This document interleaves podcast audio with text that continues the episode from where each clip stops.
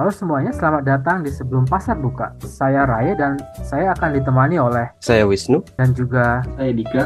untuk menemani pagi kamu-kamu semua, terutama para pengabdi cuan.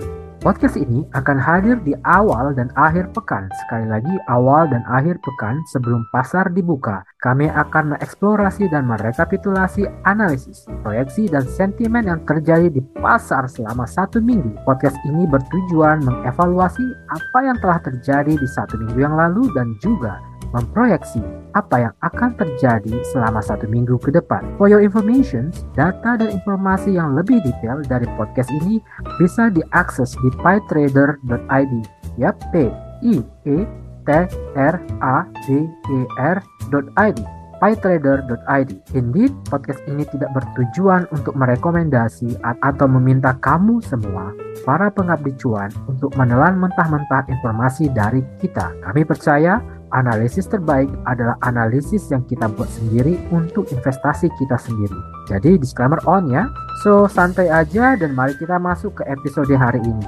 Terima kasih sudah bergabung dengan kami di Sebelum Pasar Buka yang bisa kamu dengar di Spotify dan Anchor FM. Hai Nu dan Dika, sorry baru muncul lagi setelah dua minggu. And actually many thing happens di dua minggu ini. Tapi kayaknya pasar masih sideways deh.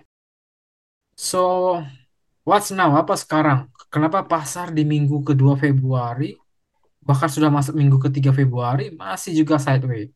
Apa seburuk itu pasar kita? Mungkin Wisnu dulu. Ya, ini juga jadi salah satu fokus pembahasan ya di sosmednya Pak Trader. Sebenarnya sih kalau dari sisi market global cenderung mengalami kenaikan gitu. Eh, ketimbang IHSG yang bahkan ya untuk kisaran Asia tuh IHSG relatif lesu sebenarnya. Kalau dilihat untuk data berapa ya, mungkin seminggu dua minggu ke belakang memang sebenarnya komoditi lagi pullback sih. Nah, tapi ada juga di hari kapan ya, mungkin Kamis atau hari Jumat tuh yang komoditasnya naik, ASX eh, Bursa Australia itu kan juga berat banget ke komoditas. Nah, ASX juga naik, cuman IHSG turun negatif gitu. Kalau gua nggak salah ingat itu IHSG itu satu-satunya yang eh, turun, sedangkan bursa Asia lainnya tuh pada naik semua. Bursa US pun pada naik semua. Ini bisa ada itu ya, ada ada beberapa skenario sih yang yang mungkin gitu. Pertama ya market masih melihat bahwa penurunan komoditas itu bakal masih berlanjut seperti ini ya. gue lagi buka datanya Trader buat yang komoditas energi itu yang daily, weekly dan monthly itu semuanya merah didominasi sama merah. Yang energi merah semua, metals hampir semua merah, agriculture masih ya mendingan masih ada hijaunya. Logistics yang BDI Asia mulai ada uh, rebound. Tapi ya itu kan uh, secara overall emang dari sisi komoditas lagi ada pullback yang cukup parah nih bahkan sampai ke yang data monthly-nya pun masih kelihatannya tuh jelek banget. Itu dari sisi pasar komoditas. Lalu aspek kedua itu dari sisi earnings. Ya, earnings report di Indonesia seperti apa? Ya, waktu itu yang pernah kita bahas ya di podcast beberapa podcast terakhir itu kan fokus kita lebih ke arah earnings ya. Dan karena inflasi sekarang tuh lagi masih tinggi, masih terus tinggi, itu menyebabkan adanya cost inflation juga di para emiten bursa IHSG. Adanya cost inflation ya artinya bottom line mereka kemungkinan besar bakal tergerus sih walaupun top line mereka bagus jadi secara revenue ada kenaikan tapi karena tengah-tengahnya ya costnya operational expense-nya ada kenaikan banyak akhirnya netnya di bawahnya bottom line-nya itu terjadi penurunan dan kalau kita melihat dari pergerakan IHSG yang sampai sekarang masih lesu ya, cenderung lesu dibandingkan dengan bursa-bursa lainnya, kemungkinan besar sih karena faktor itu sih. Faktor earnings-nya, eh, surprise-nya lebih ke arah negatif. Oke, berarti kan ada dua kemungkinan kan ya. Satu harga energi yang terus turun, satu lagi mungkin earnings yang yang lagi gak bagus gitu karena dipengaruhi oleh inflasi. Ini ini lo lo koreksi gue kalau gue salah. Ini menurut gue ini sekarang pasar itu jadi efisien. Jadi kalau pasar itu efisien, dia jadi unpredictable, nggak bisa ditebak. Dan mungkin sebenarnya yang pernah dibahas sama Dika dulu itu bahwa ada kemungkinan juga sebenarnya pasar sekarang tuh overpriced atau overvalued. Makanya sekarang itu kayak nyari konsensus keseimbangan keseimbangan harganya dengan fundamentalnya gitu. Menurut lo, apa benar sekarang ini memang kayaknya pasar kita ini overvalue setelah kejadian pasar bullish di 2020, 2021 dan 2022 sedikit gitu ya.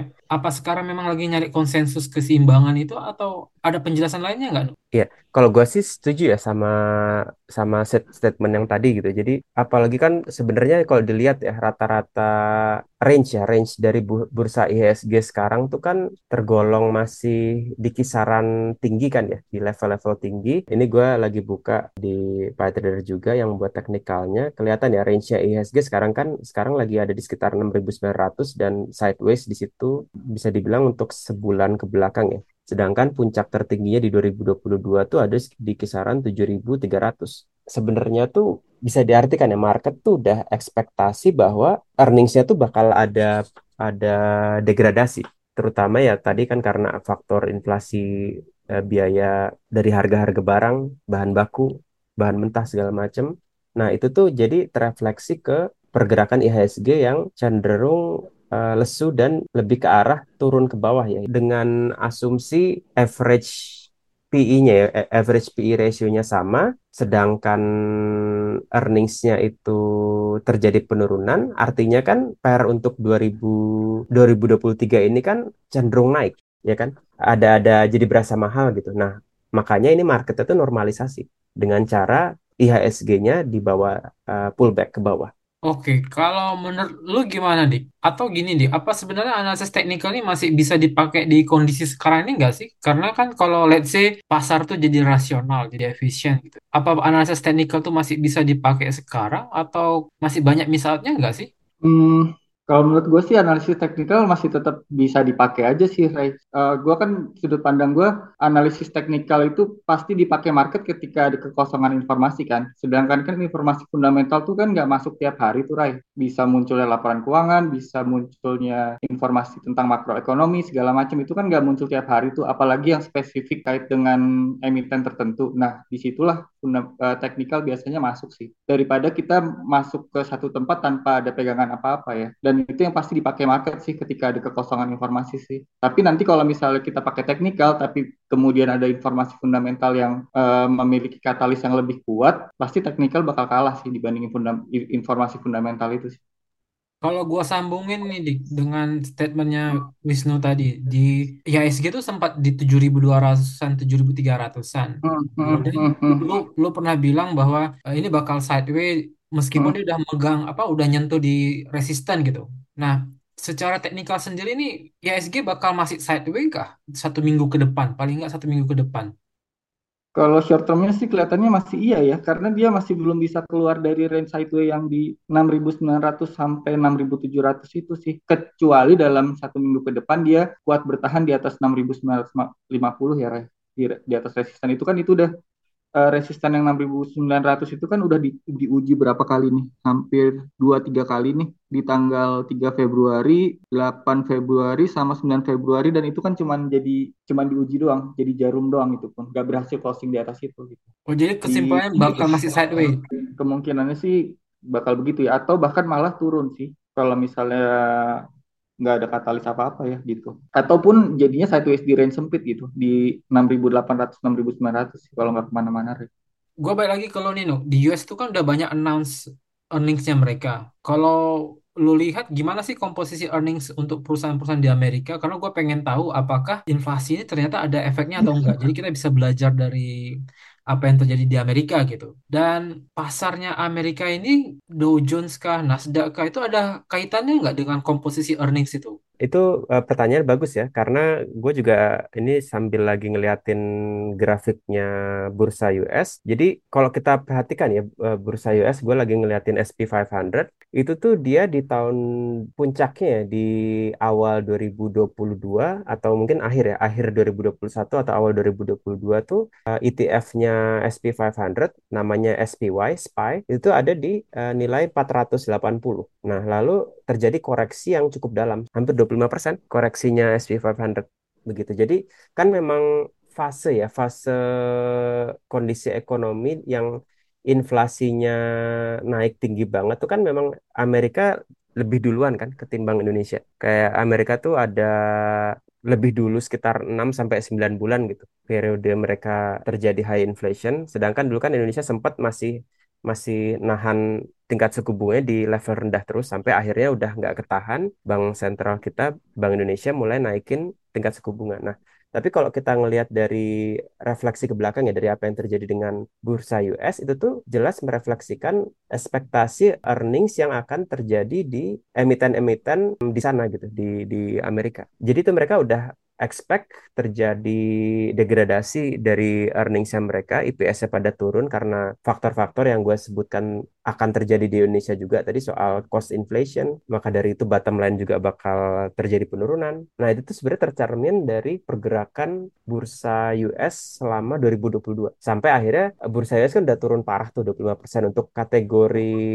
market yang udah advance ya, udah udah mature, itu kan tergolong besar banget turun sampai 25% kayak gitu karena udah turunnya banyak, sekarang tuh lagi fase uh, rebound. Nah, sedangkan kalau kalau Indonesia kelihatannya sekarang tuh masih dalam fase sideways karena pas ketarik ke bawahnya juga nggak maksimal. Makanya jadi kayak seakan-akan kayak nyari arah. Dan karena biasanya kan itu ya uh, yang jadi pegangan untuk para pemain besar institusi itu kan memang murni fundamental dari sisi emitennya maupun dari sisi data makroekonomi buat negara yang bersangkutan. Begitu sih kalau kita mengkaitkan dengan komposisi earnings yang ada di US dan oh ya terus tambah satu lagi mumpung ingat jadi tuh di US itu kan komposisinya tuh top line-nya ada kenaikan tapi bottom line-nya terjadi penurunan. Nah, dari data yang terakhir gue lihat itu ya jadi dari komposisi uh, earnings di US tuh sebenarnya tadi ya yang soal top line-nya tuh naik ini ada data data detailnya. Top line naik 4,3 persen, sedangkan bottom line-nya minus 5,3 persen. Jadi ini menunjukkan dampak nyata dari cost inflation.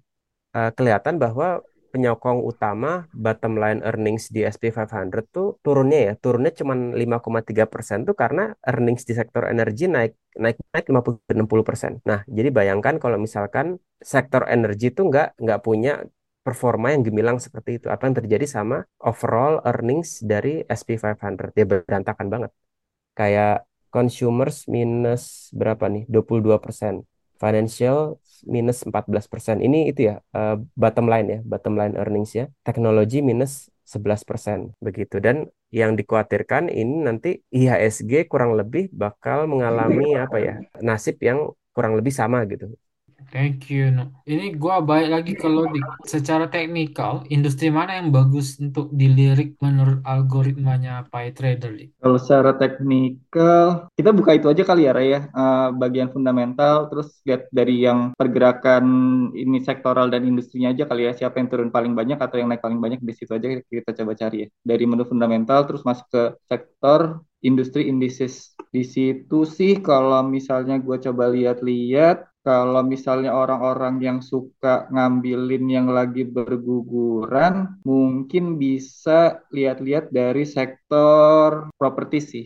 Soalnya dari dua minggu yang lalu kan dia turun 4,3 persen, sekarang penurunannya udah udah mulai berkurang tuh jadi dua persen tuh. Mungkin bisa lihat-lihat di sana, tapi yang harus digarisbawahi nanti kalau untuk melihat-lihat perusahaannya jangan lupa dilihat fundamentalnya ya dengan performance performance laporan keuangannya seperti apa karena kan sebentar lagi earning season tuh. Jadi yang kemungkinan nanti bakal rebound adalah perusahaan-perusahaan yang sudah rontok banyak tapi tapi performance LK-nya cukup baik. Kalau yang mau ngambil-ngambilin yang biasanya pakai skema breakout sih di sini ya yang lagi di, diapresiasi ya teknologi dan infrastruktur sih gitu. Mungkin ya kalau mau yang break, lagi breakout lagi dilihatin orang banyak ya software and IT services mungkin daerah-daerah situ sih. Kalau kan kemarin memang udah satu minggu kemarin kan gue tuh rebound tuh lumayan banyak ya mungkin mata-mata banyak mata yang lagi tertuju ke sana juga sih kalau yang mau pakai skema breakout. Cuman ya perhatiin lagi juga sih fundamentalnya jangan lupa karena kalaupun udah naik banyak ya kalau fundamentalnya nggak oke ya bisa jadi ketarik ke bawahnya lebih cepat juga sih gitu.